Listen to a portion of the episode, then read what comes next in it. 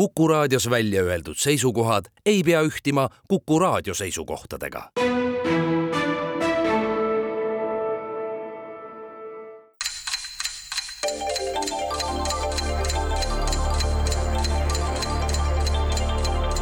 tarkade klubi targemaid küsijaid toetab lisateadmistega Postimehe raamatukirjastus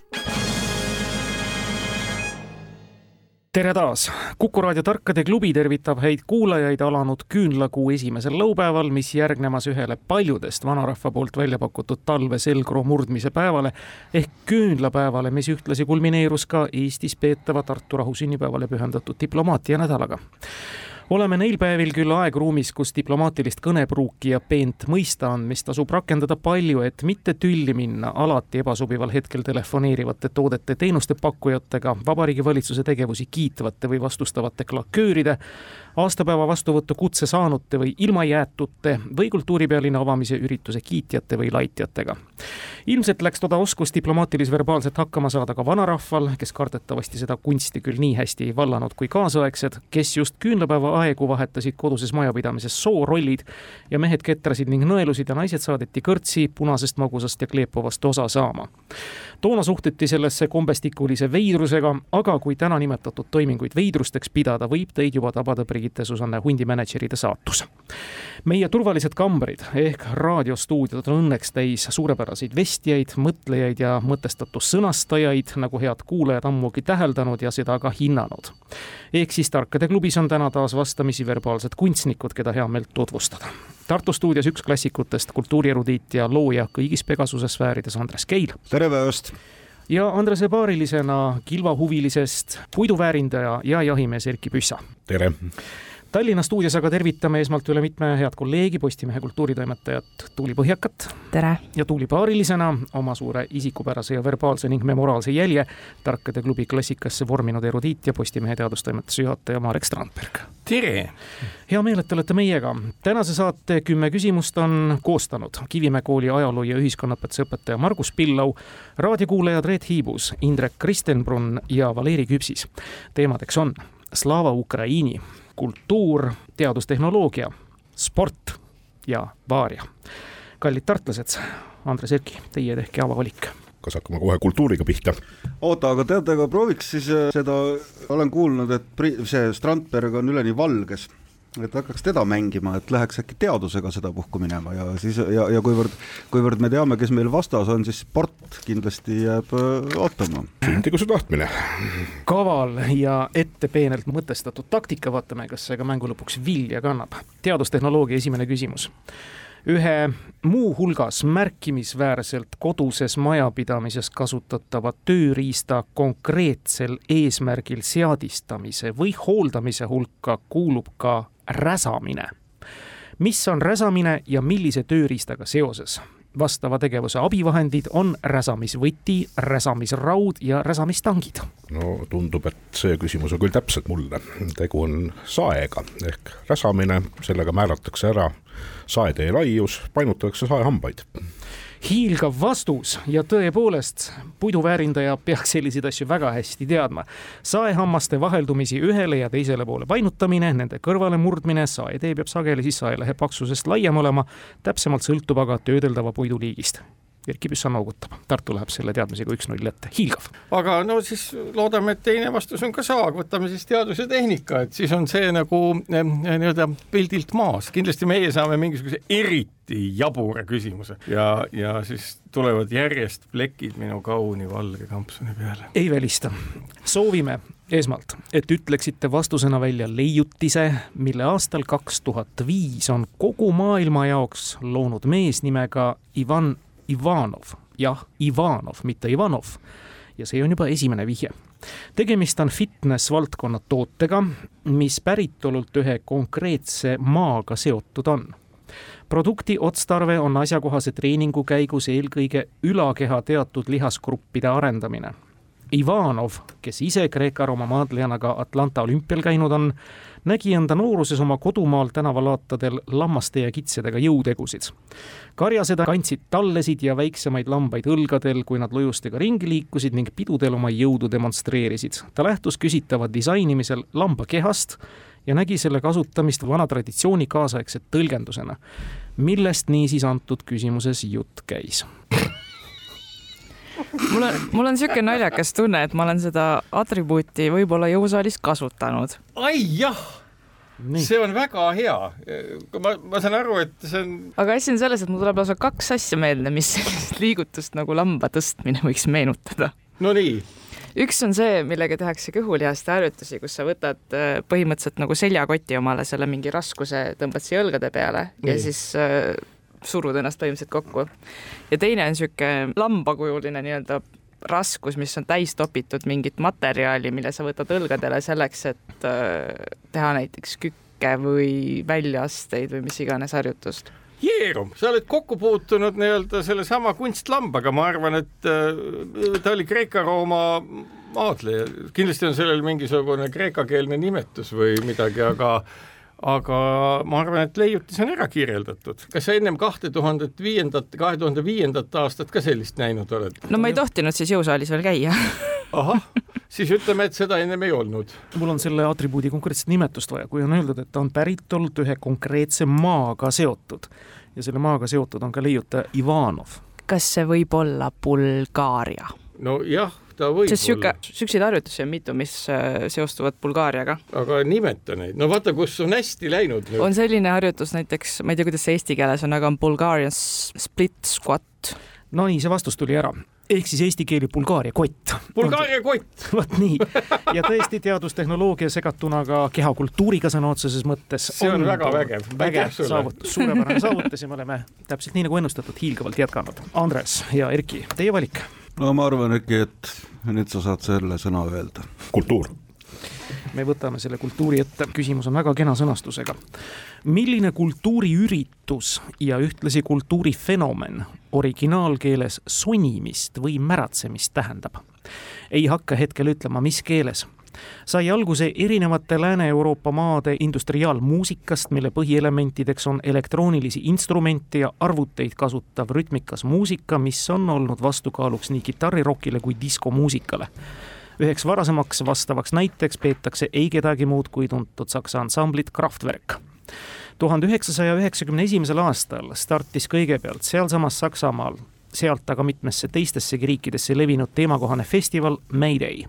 ning mõistagi on küsitav ka kõik need aastakümned lääne kultuuriga ühte sammunud Eestis asjaomastes ringkondades kohati laiemaltki tuttav olnud no sellega on äh, nii, et äh, selletaolisi sündmusi ja üritusi, need olid kõige kuulsamad äh, ma julgen öelda kuskil seal üheksakümnendate lõpus, kaheksakümnendate alguses Pirita lillepaviljonis ja ja kus iganes äh, Mahmastol ja tänane jalgpalliklubi omanik neid tegid, need kandsid sellist nagu vibelevat nime, need üritused. ja ma julgen arvata, et hiljuti oli üks üritus meil siinsamas niimoodi üle jõe mäe otsas, millega siis nagu öö avati kultuuripealinna ja, ja, ja kui, kui ma siin olen juba niimoodi äh, lobisenud, siis ma arvan, et äh, meil ei jää muud, mulle muud üle, kui välja öelda, et see on reiv õige, rave vastavasti inglisekeelsest sõnast rave.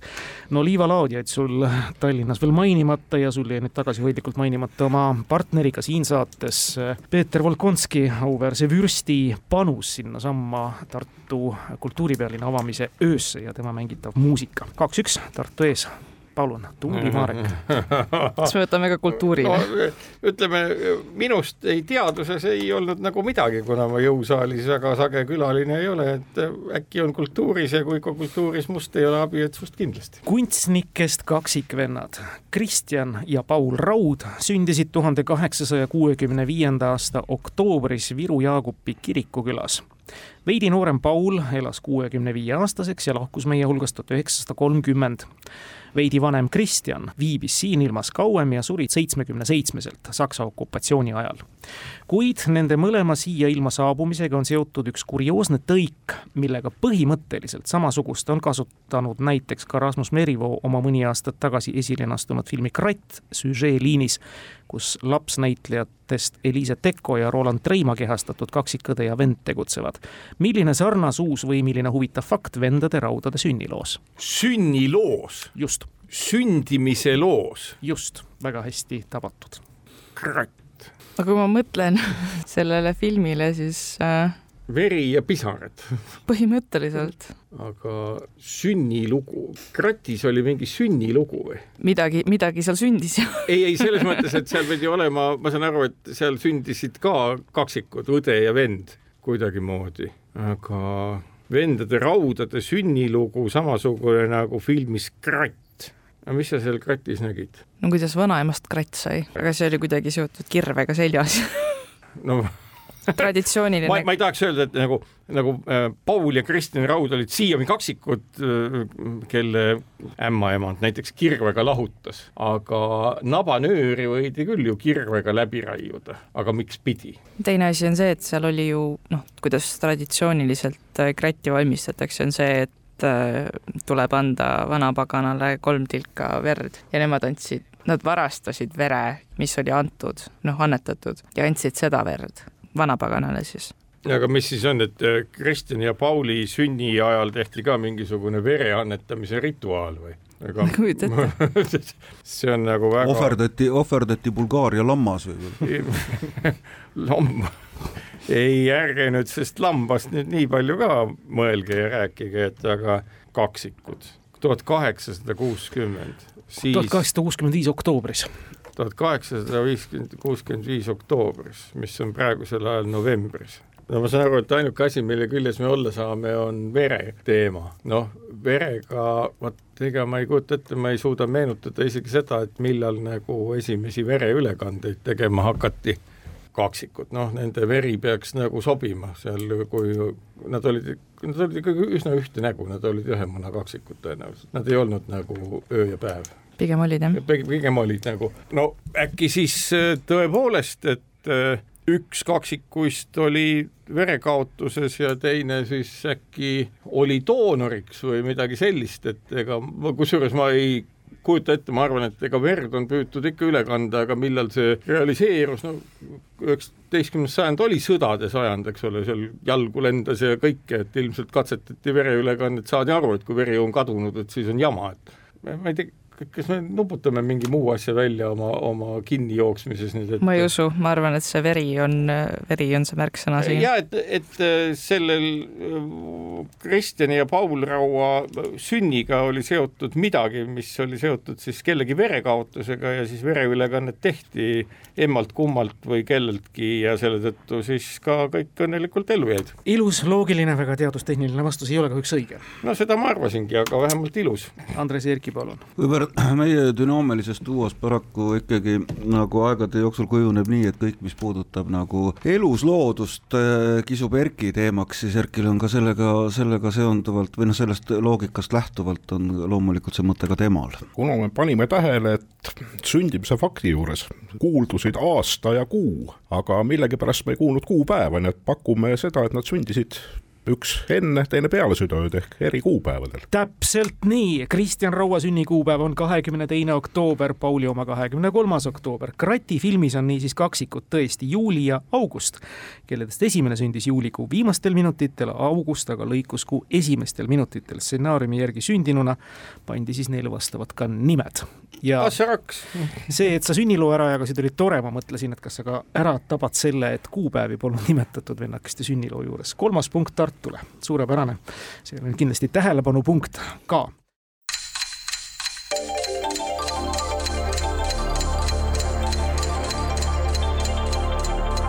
Tarkade klubi targemaid küsijaid toetab lisateadmistega Postimehe raamatukirjastus. Tartu kolm, Tallinn üks, Tartu valib. Varjo, ma arvan. Vaarja. või oota, Pisan, Pisan nõustub, nõustub mm -hmm. jah. Mhm. Vaarja küsimus tuleb healt kuulajalt Reet Hiibuselt. tuhande üheksasaja kuuendal aastal valiti Tallinna linnapeaks mees, kes loonud laulule või tantsule tuljak sõnad ehk Ferdinand Karlsson. aga üks etiketi eksimus viis selleni, et kuberner Karlssonit linnapeaks ei kinnitanud, vaid selleks sai hoopis ja ajalukku läks esimese eestikeelse linnapeana Voldemar Lender mis juhtus õnnetu Karlssoniga, kõlab küsimus. täna seda enam etiketis probleemiks ei loetaks. kas see, mul on, ma olen seda kuulnud, me ei vasta veel, arutame, kas ta ei olnud abielus, kas selles oli, võis asi olla? ei, ei, ei, minu mälu järgi oli seal küsimus kuberneri tervitamise juures midagi, et kas ta või ei olnud ta kohaselt riides või ma mäletan midagi kuberneriga kokkusaamiselt oli mingi apsakas.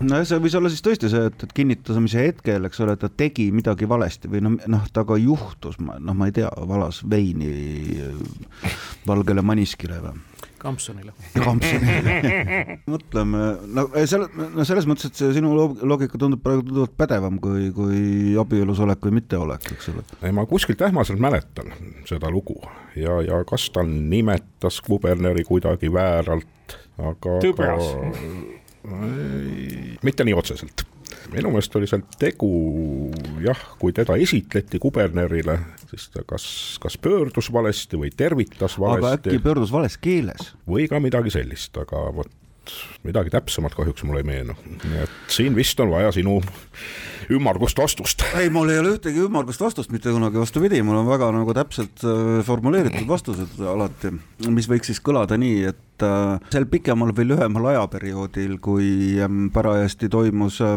härra Karlssoni kuberneriks, kuberneri poolt linnapeaks kinnitamine, ai kurat, siin ei saa väga ümmargune olla, ses mõttes, et sest et etiketi eksimus on ju, noh, vaata, siin saab ümmargune olla nii, et, et, et sa peegeldad küsimust, eks ole, ja siis, siis ei ole sellest ju nagu ka nagu mingit vastust, aga vaata, kuivõrd seal on öeldud, et mis juhtus Karlssoniga, aga oot-oot-oot, äkki ta jäi hiljaks? ei tule tuttav ette. noh, kuula sõnastust, noh, tähelepanu koht jälle, eks ole. mis juhtus vaese Karlssoniga, oli päris nagu küsimuse enda formuleering see tähendab seda, et ta ei saanud, noh, tema ka pidi midagi juhtuma, eks. ehk siis, et ta ei saanud nagu ise otseselt teha midagi noh, a la, et versus, et äh, jätad alumise nööbi, vestinööbi kinni panemata või paned alumise vestinööbi kinni või siis äh, vestinööp tuleb ära, ühesõnaga, et temaga pidi midagi juhtuma. Ja tänapäeval seda enam selliseks eksimuseks ei loeta. No ma hakkan nüüd iseennast kaitsma, eks, mida, mis on nagu kõige valem asi, mida mälumängus teha, eks ole, rääkima sellest, kuidas Lennart Meri helines igale poole ja kuidas nagu jah. jättis lipsu ette panemata, midagi taolist tahad sa öelda või? ei, ma, ei, ma tahan öelda, et ta ei, ei, ma, temaga juhtus äh, vääramatu jõud, mis, äh, mis lasi, mis ei lubanud tal ähm, vajalikul, täpselt vajalikult, vajalikul hetkel täpselt vajalikus aegruumis viibida kuulasin hoolikalt, ei saa kahjuks õigeks lugeda. no vot, kui tore, et me saame vastata küsimustele, millest me ei tahtnud üldse midagi teada. no ega oletusi on mitmeid, kui nii-öelda väga labaselt võtta, siis näiteks ju üks oletus võiks olla see, et noh, tuljak, eks ole, et äkki härra Karts... jäi valla ja kihelkonnaga pidutsema.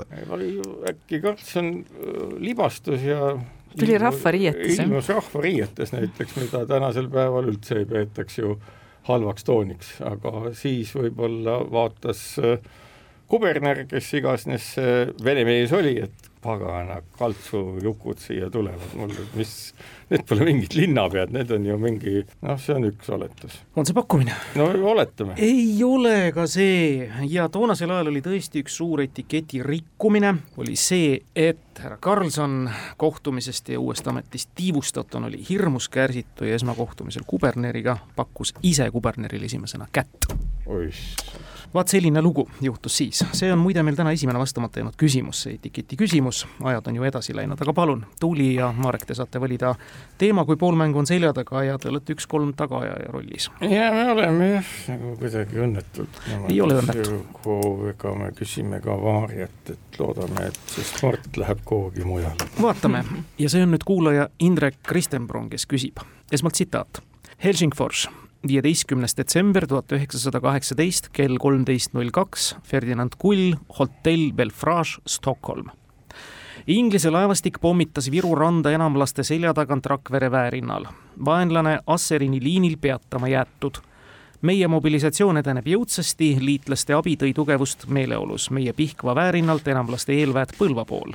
sakslased Tammsalu jaama juures seismas, raudteetöölised streigivad Tapalt Valgani, sest et sakslased meie rongisid ära viiva tahavad ühes moonaga. Jürine, Schwalbe, Kallas, tsitaadi lõpp Teile sai ette loetud Eesti Vabariigi Helsingi välisesinduse poolt Eesti Vabariigi Stockholmi välisesindusse saadetud telegramm, mis on läinud ajalukku, millega kõlab küsimus? Telegramm, mis on läinud ajalukku, millega? millega ta saab minna ajalukku. Helsingist saadetud Stockholmi. jah. aga seal oli väga, väga palju linnu nimetatud, äkki see on mõne linna nimega näiteks seotud? Valga esmamainimine ajaloos vaevalt, et ma just mõtlen, et kui telegramm läheb mingi asjaga ajalukku, siis saab minna ta ju telegrammi edastamise viisi pidi ajalukku. või noh, kuidas saab telegramm minna oma tekstiga ajalukku, sellepärast et Helsingist saadeti Stockholmi telegramm selle kohta, mis Eestis on toimunud, aga millega see ajalukku läks, noh, telegramme on ilmselt ka, ega telegraafiliinid olid ju Eesti ja Soome vahel olemas ennegi ju, kui Vabadussõda, nii et selles osas mingit uudist ei ole, kas see võis olla siis esimene raadio teel edastatud telegramm, mis ei pruugi ka ju tõele vastata, sellepärast et eks või Eesti ja Soome vahel sündmused olid Eestis ju, edastati Helsingisse raadio teel teated selle kohta, mis siin aset leiavad, noh, raadioside oli siis olemas, aga no vot, Vabadussõdaga nüüd niimoodi ei, ei ole kunagi huvitanud, et nagu vaata ette, professor Vahtre on selle saate suur kuulaja ja kindlasti ta on, et ma võin talle ka öelda, et professor Vahtre mind ei ole ajalugu Vabadussõja kontekstis kunagi väga huvitanud oota, aga kui see ole seotud sisuga, siis see peab olema seotud ikkagi selle telegrammi endaga ja see läks Helsingist Stockholmi ja, ja Vabadussõja ajal.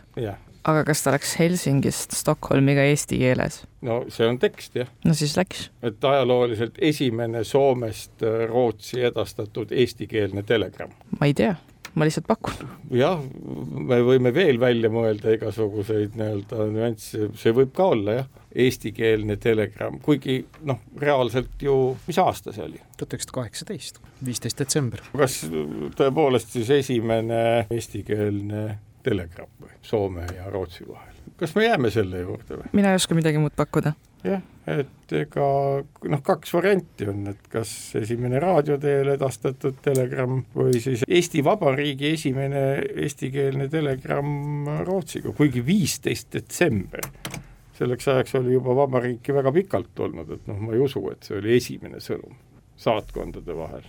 saatkond oli järelikult olemas nii Helsingis kui Stockholmis ja järelikult nad ikkagi suhtlesid, et ega nad ju ei suhelnud mingis muus keeles kui eesti keeles.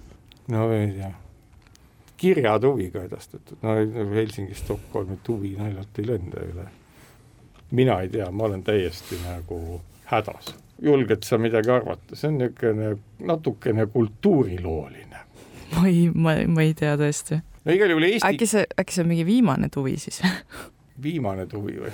viimane tuvi, kui ma tohin korraks segada, viimane tuvi oleks täiesti suurepärane romaani pealkiri. viimane tuvi, nojah, ega sa oled vaba selle pealkirja kasutusse võtma ja, ja selle huvitava ajaloolise sündmuse ümber tegemagi siis detsember, see on ikka karm, külm ju. tuviheljed tuulepluusid. äkki see viidi üle jää? jää, jah äkki see viidi üle jää? ei ole see kahjuks õige vastus. hea Tartu. ega me ka ei tea, aga me oleme siin krõbistanud kirjutada nagu oravad ja, ja krõbistanud nagu välja kirjutada selle, et äkki oli hoopistükkis ikkagi niimoodi, et, et et see telegramm oli esimene küll, aga, aga noh, kuivõrd seal Soome-Rootsi vahel tollal väga nagu pikkade ankrukettidega Hiina laevu ei, ei kurseerinud, siis, siis läks see ka läbi ja, et see võis olla äkki esimene telegramm, mis läks mööda merealust traati. Ei ole ka see õige vastus, see küsimus jäi nüüd Tallinnalt selgelt lauda. tegemist oli esimese diplomaatilise telegrammiga, mis saadeti välja eesti keeles kahjuks nii. ossa poiss, väga nišikas jah. väga nišikas.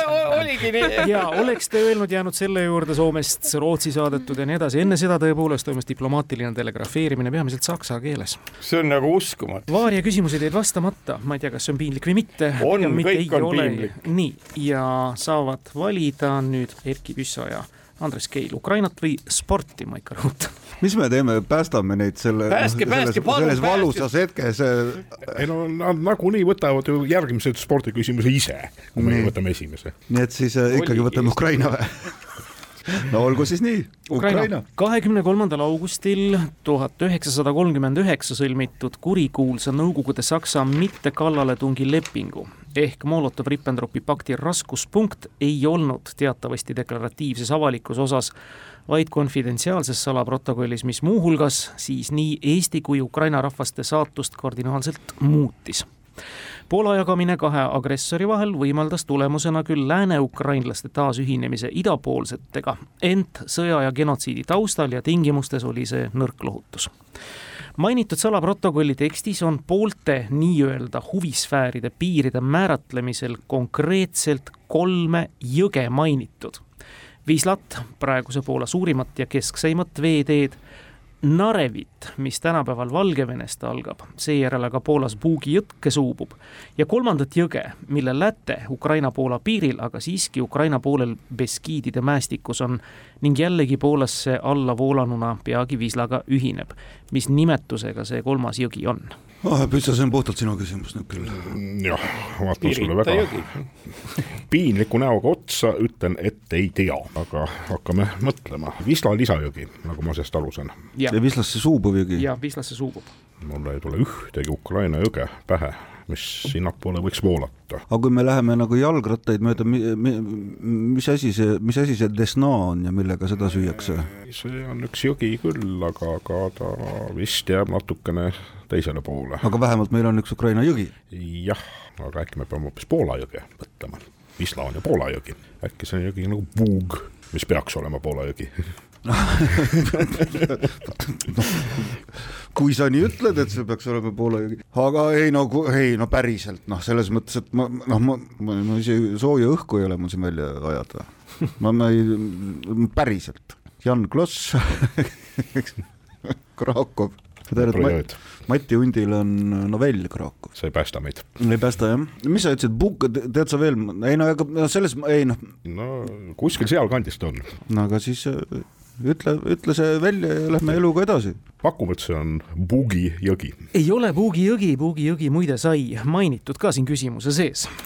Oih. juba siis Narev, mis no, suubub siis Bugi jõkke ja palun, Ukraina veeteede suurepärased asjatundjad. muidugi, vaieldamatult, ei tea ühtegi Poola jõge peale selle mainitud.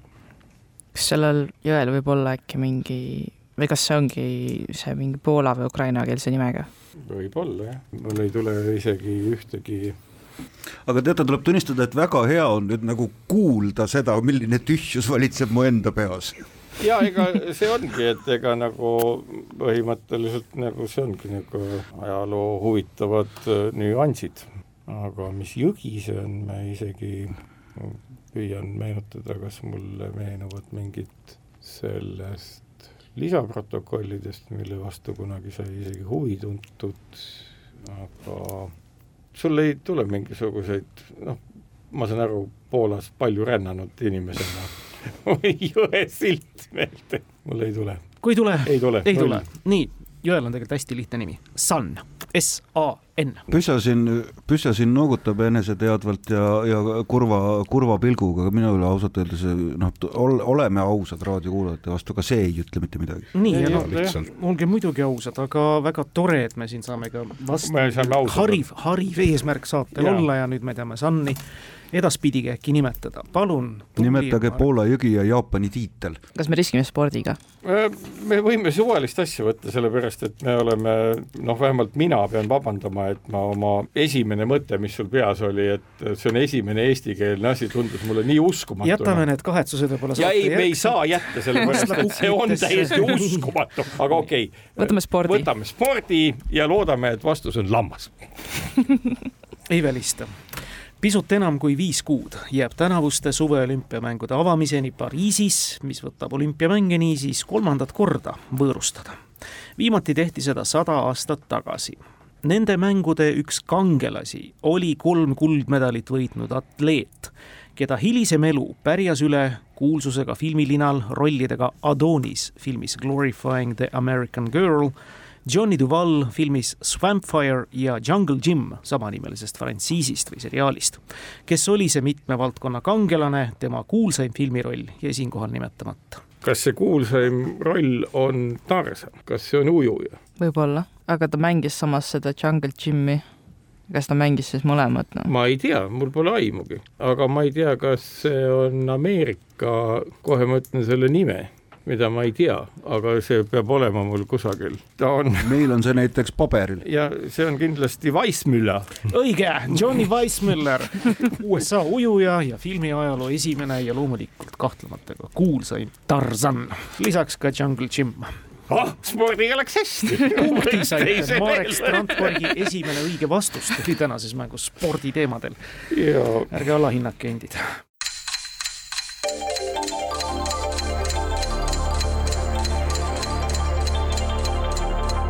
Tarkade klubi targemaid küsijaid toetab lisateadmistega Postimehe raamatukirjastus palun, Andres ja Erki. Te peate spordi võtma. kisub, kisub ohtlikuks jah, sport, sport, sport. niisiis, nagu mainitud sai, elame siis tänavusel aastal kaasa Pariisi suveolümpiamängudele, mida Prantsusmaa pealinn võõrustab kolmandat korda. neli aastat pärast Pariisi saab samuti kolmandat korda võimaluse mänge võõrustada USA lääneranniku suurlinn Los Angeles. ja nendele nelja aasta pärast toimuvatele mängudele lisandub uue spordialana squash ja pärast väga pikka aega puudumist veel kaks pallimänguala. millist pallimänguala, kõlab küsimus, saab näha Los Angeleses kaks tuhat kakskümmend kaheksa. küsitavatest üks Põhja-Ameerika põlisrahvaste seas populaarne pallimäng oli viimati kavas aastal tuhat üheksasada kaheksa Londonis. ja küsitavatest teine oli ainsana kavas aastal tuhat üheksasada Pariisi olümpiamängudel. ja Los Angeleses on seda teist kavas uuesti pidada, suuresti silmas pidades Aasia kasvavat turgu, unustamata ka Lääne-Indiat no üks peaks olema kindlasti lacrosse, aga mis see Aasia kasv, aga Lääne-India, Aasia kasv, kas see võib olla piljard või snuuker? ei, ei, ei, ma pakuks hoopis kriketit aga kas kriket, Hiina kasvav turg ja kriket ja Lääne-India, kas oot-oot-oot, aga kas kriket mitte ei piljardit minu teada küll ei ole olümpiakavas kunagi olnud.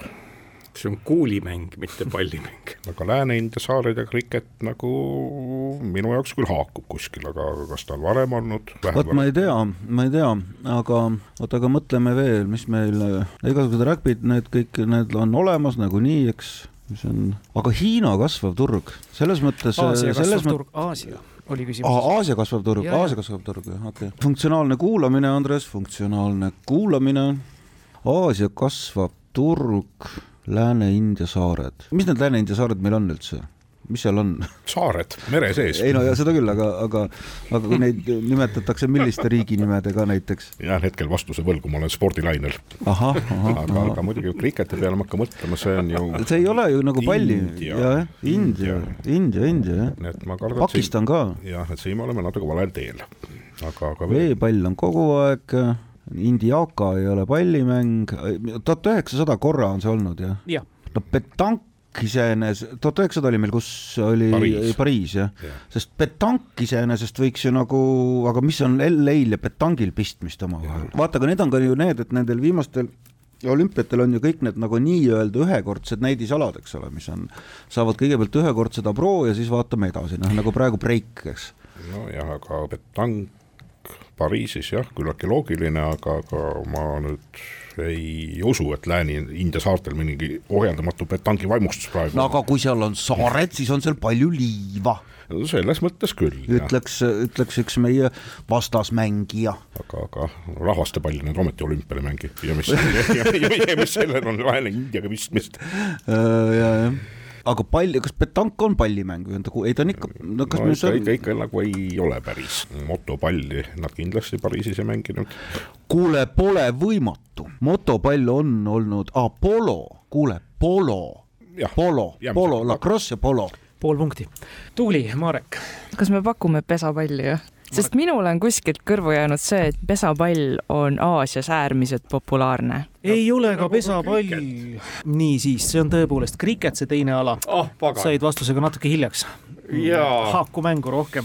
kriket ah. ikkagi, kriket ja Lääne-India saared paiknevad siis Kariibi meres, kõik alates pisikestest St Luciadest lõpetades suure Kuubani välja. aga eeskätt tõesti Pakistan, India kriket, ja see kasvav. ei olnud. mul oli pesapall. minul oli kriket. jah ja., nii et pool punkti Tartule, teine mäng on tõepoolest lacrosse ja kaks tuhat kakskümmend kaheksa tänaste teadmiste järgi muuseas asendavad klassikalisi olümpiaalasid. meid jääb mängu lõpetama täna üks Ukraina küsimus, seda saab esmalt kuulda Tallinn mõnikord öeldakse, et ajalugu kordub, aga veidi teisel kujul.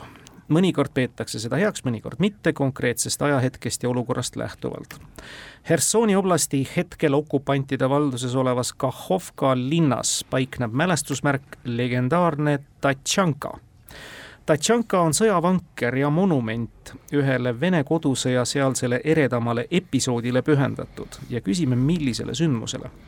see, mida antud skulptuuriga Punaarmee ülistamiseks eksponeeritakse, on nüüd käimasolevas sõjas kordunud, aga paradoksaalselt Ukraina vaprate sõjameeste saavutusena.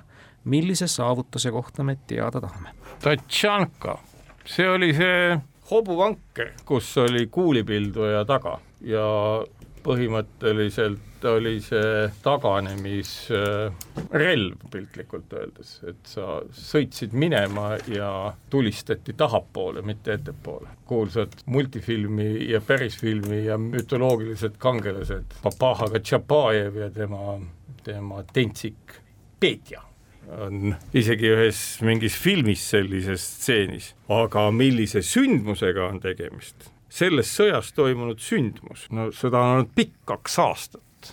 mis piirkonna lähedal see laev ja see Ussi saar oli? see on üldse Musta mere lääneosas, üsna, üsna lääneosas, Hersonist ikka väga kaugel. no ma igaks juhuks küsisin. jaa, ma just mõtlen, et äh, see on sealt kaugel. no see peab olema siis väga selge sündmus Hersoni Kahovkas, aga see sündmus ei pruugi olla seotud Kahovkaga. no see sündmus, ma saan aru, peab olema midagi sellist, mida Venemaa tegi Ukrainale ja nüüd Ukraina tegi Venemaale. mida nad on teinud, nad on, nad on saatnud Venemaale droone noh, jõudsite nüüd tuvide juurde tagasi? tuvide juurde tagasi, ega meil noh, ongi nagu valdavalt nagu kinnisideed, et mille ümber me siin nagu tiirleme. lambad ja tuvid. lambad, tuvid agraarühiskond. agraarühiskond, täpselt nii ongi. tegelikult jah, nad nagu viskavad droonidelt äh, ju miine eks ole, mis on selline levinud ja, ja äh, venelastele tagasi, noh ei, ma ei ole kindel, kas see on seda Tšanka üldse, see on selle kuulipildujaga seotud, et nüüd täielikus segaduses, ei tea Vene kodusõda, ei tea Eesti kodusõda, õigemini Vabadussõda, üldse midagi ei tea. Kahovka, noh Kahovka tammi lasksid venelased õhku, aga seda ei teinud Punaarmee selles mõttes, et no siis nad on teinud ju kangelasteo ja õhkinud Krimmi silla, aga mis on kohe ära parandatud. Nad on laevu põhja lasknud, eks ole, erineval moel. muud asjad, see sõda on nii mitmepalgeline, et kuna seda Tatšanka monumenti tõepoolest ma ei tea, millest on jutt üldse, no nuputame veel. mingi, ma ei tea, raudteesild? kuidagi mul mingi kujut-. see, ongi see Krimmi sild, kus ja. Äh, lennutati õhku mingeid raudteevaguneid ja ja sealhulgas ka siis, sealhulgas ka siis või, või auto ja sealhulgas sai kannatada ka raudtee osa selle silla keskpunktis, siis on nagu nende luure õhku lasknud kõikvõimalikke nii-öelda kütusemahuteid ja terminale Venemaal. no vot, ei ole, Vene kodusõda ei ole ka nagu selline hingelähedane, hingelähedane nagu tegevus olnud, et mida siis nagu noh, mis on need teod, mida on ukrainlased teinud, need on ju, kõik on nad vägevad, eks ole. noh, sinna kuhugi jääb, eks ole, mitte nüüd väga kaugele, aga mitte samasse kohta, eks ole, see, kui nad võitlesid selle Azovstali pärast, olles seal tehase keldreis ja kus iganes, aga mida on ukrainlased teinud venelast, hävitanud nende masinaid igatemoodi mis see seis on ka üldse nii vahel? kehv, kehv, ärge küsige, niigi on valus, niigi on valus. kolm pool kaks, nii et. ärge küsige kehva seisu kohta ühtegi küsimust, palun. nüüd läks mõte ka ära, kuigi seda ennemgi ei olnud, oleme ausad. no see oligi eesmärk. no vot, see on, see on, see on see, sellest tunned tartlast Tatšanka nagu. ja läheb samas, samas rütmis edasi. ega, ega ma olen visa, ma olen visa, no kuskilt peab ju mingisugune, mingisugune närviimpulss tulema, et nagu mingisugune, kui see on olemas kui see on olemas. see on olemas, see on õige. kui see on olemas. ja ma loodan, et on, no selles ju asi ongi naerge, naerge. kui te teate, siis on teil mõnus, aga kui te ei tea, siis te olete varsti samas hädas kohe kuulame ideesid. ja ei, muidugi te peate kuulama. ei tule eriti. see ongi Tartu, Tartu põhiline seisund, et te kuulate teiste ideesid ja siis ütlete, oo, meil tuli hea mõte. ja peaga, peaga sa, head- peaga linnast sünteesitakse, jah. jah, sündmustest, mis mulle veel meelde tulevad, on see, kus äh, see terve hulk tanke jäi sinna mudasse kinni. Tankid jäid mudasse, see oli ka üsna alguses. Vene tankid. jah, terve kolonn tanke jäi mutta kinni ja siis nad järjest pom- pommitasid neid. ehk et äh, no põhimõtteliselt Sussanin. jaa, aga Tatšanka ei ole mälestusmärk Sussaninile poolelt. no mine võta kinni. selleks on nagu omaette see oli jah, sõja alguses oli tõepoolest nii, venelased jäid mutta ja ukrainlased nottisid nad maha, aga noh, no muidugi ega seda me ei tea, mis, mis hetkel see sündmus on toimunud. droonidega rünnakud, mutta jäänud tankide hävitamine. mis siis veel? mingid raudteesilla, sildade õhkimine, tammide õhkimine, tammide õhkimine. no kõik asjad, mis nad teevad, on ju täiesti sellised fenomenaalsed. jah. no kodusõja äkki see on aeg, midagi hästi lihtsalt nagu mingi kassipoegade päästmine või midagi? ma, ma ei usu, et nagu, nagu Nõukogude Punaarmee kangelastegu oli võtta näiteks mingisugune kindral Koltšaki kassipojad ja need ära päästa ja teha nendest kommunistlikud noored. ei, ma täiesti usaldan seda, et seesama nii-öelda öö, tankide mutta sattumine, nende hävitamine, aga mis see seos on, ei tea. ei anna see vastust, lõpetate tubli kahe punkti peal täna ja hea Tartu, lusti peale võidu uimas. Meie pakkumine oleks, et see Tatšanka on mälestusmärk Dnepri forsseerimisele. õige, see tõepoolest on Platstari hõivamine ja selle edasise rünnakuplaanidega seoses hoidmine Dnepri vasakaldal, millest on ju palju juttu olnud. tuhande üheksasaja kahekümnendal aastal läks Punaarmee analoogilise Platsdarmi kaitsmisega sealtkaudu Perekopi maakitsuse peale ja hõivas järgnevalt Krimmi, milline sündmus siis ühtlasi Vene kodusõja lõppvaatus oli. praegu aga seadsid Ukraina relvajõudude võitlejad ennast Dnepri vasakaldal juba mitu kuud tagasi sügisel kindlalt sisse ja isegi Putini isiklikule üleolevale tänitamisele vaatamata on seal siiamaani püsinud muidugi näevad siin paljud palju enam kui sajandi taguse ajaloo uuel kujul kordumise võimalust. kuulge, hiilgav, meil on täna tegelikult saanud ära vastatud märkimisväärsel hulgal küsimusi, punkte, lusti lõbu on löönud laialt ja teadmisi aga nad ei ole ju seda forsseerinud ometi. kuus pool küsimust ehk punkti kümnest on ära vastatud.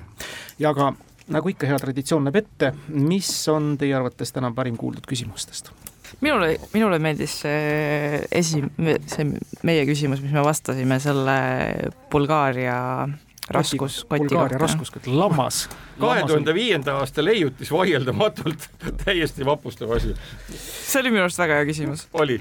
no ja ma lisaksin siia muidugi ikkagi selle, see on kohutavalt äh, armas, no see on tõesti, on see armas, kuidas äh, vastne riik peale seitsmesaja aastast orjapõlve, eks ole, püüab esimesed kümme kuud raskes sõjaolus ikkagi diplomaatilist infot vahetada saksa ainult keeles. saksa keeles. see on ka hea küsimus. tõepoolest, esimene eestikeelne telegramm ja selle küsimuse autor on meil siis Indrek Kristenbrun, saab tänatud, saab ka auhinnatud raamatuga. suur tänu teile, Andres Erki Tartusse, aitäh, Tuuli Marek siia Tallinnasse, ilusat talve jätku ja taas kohtumisteni! Hoolega hoitud auhinnad toob kohale Smartpost Itella. lõpetame saate taas kuulajamänguga. eelmisel nädalal lõpetas saate küsimus, mis kõlas järgmiselt. ühe versiooni järgi pärineb see sodiaagimärk sümbolist, mis kujutab endast horisondi taha loojuvat päikest. ja tõesti kui vaadata selle sodiaagimärgi sümboltähistust, siis graafiliselt näeb see välja kui nimetatud paljudele romantiline vaatepilt. millise tähtkuju märgi kohta me küsisime? õige vastus on, et selleks sodiaagimärgiks on kaalud. kõige õigesti vastanute vahel naeratas loosiõnn kuulaja Mairi Matroovile. palju õnne, teiega võtame ühendust. uus nädala küsimus kõlab järgmiselt Venemaa tsaar Nikolai Esimene võttis üheksateistkümnenda sajandi esimesel poolel tõsiselt käsile oma riigi siseturu kaitsmise ja seadis sisseveetavatele kaupadele kõrged tollid. oma vastavasisulises ukaasis käskis tsaar teha veel ka teatud konkreetseid tehnilisi lahendusi, takistamaks importkaupade liiga kergekäeliselt riiki sissetoomist. milliseid tehnilisi lahendusi, kõlab küsimus Needsamad tehnilised lahendused on mõningaseks takistuseks siiani nii Venemaal aga muide ka Eestis teatud laadi transporditavatele kaupadele nii riiki sisse kui välja vastuseid ootame nagu ikka e-posti aadressil tarkadeklubi at kuku.ee või tavapostiga aadressil Tartu maantee kaheksakümmend, Tallinn, Kuku raadio, Tarkade klubi. samadel aadressidel on oodatud ka teie küsimused saateis mängivatele tarkadele. Tänaseks lõpetame, kuulmiseni.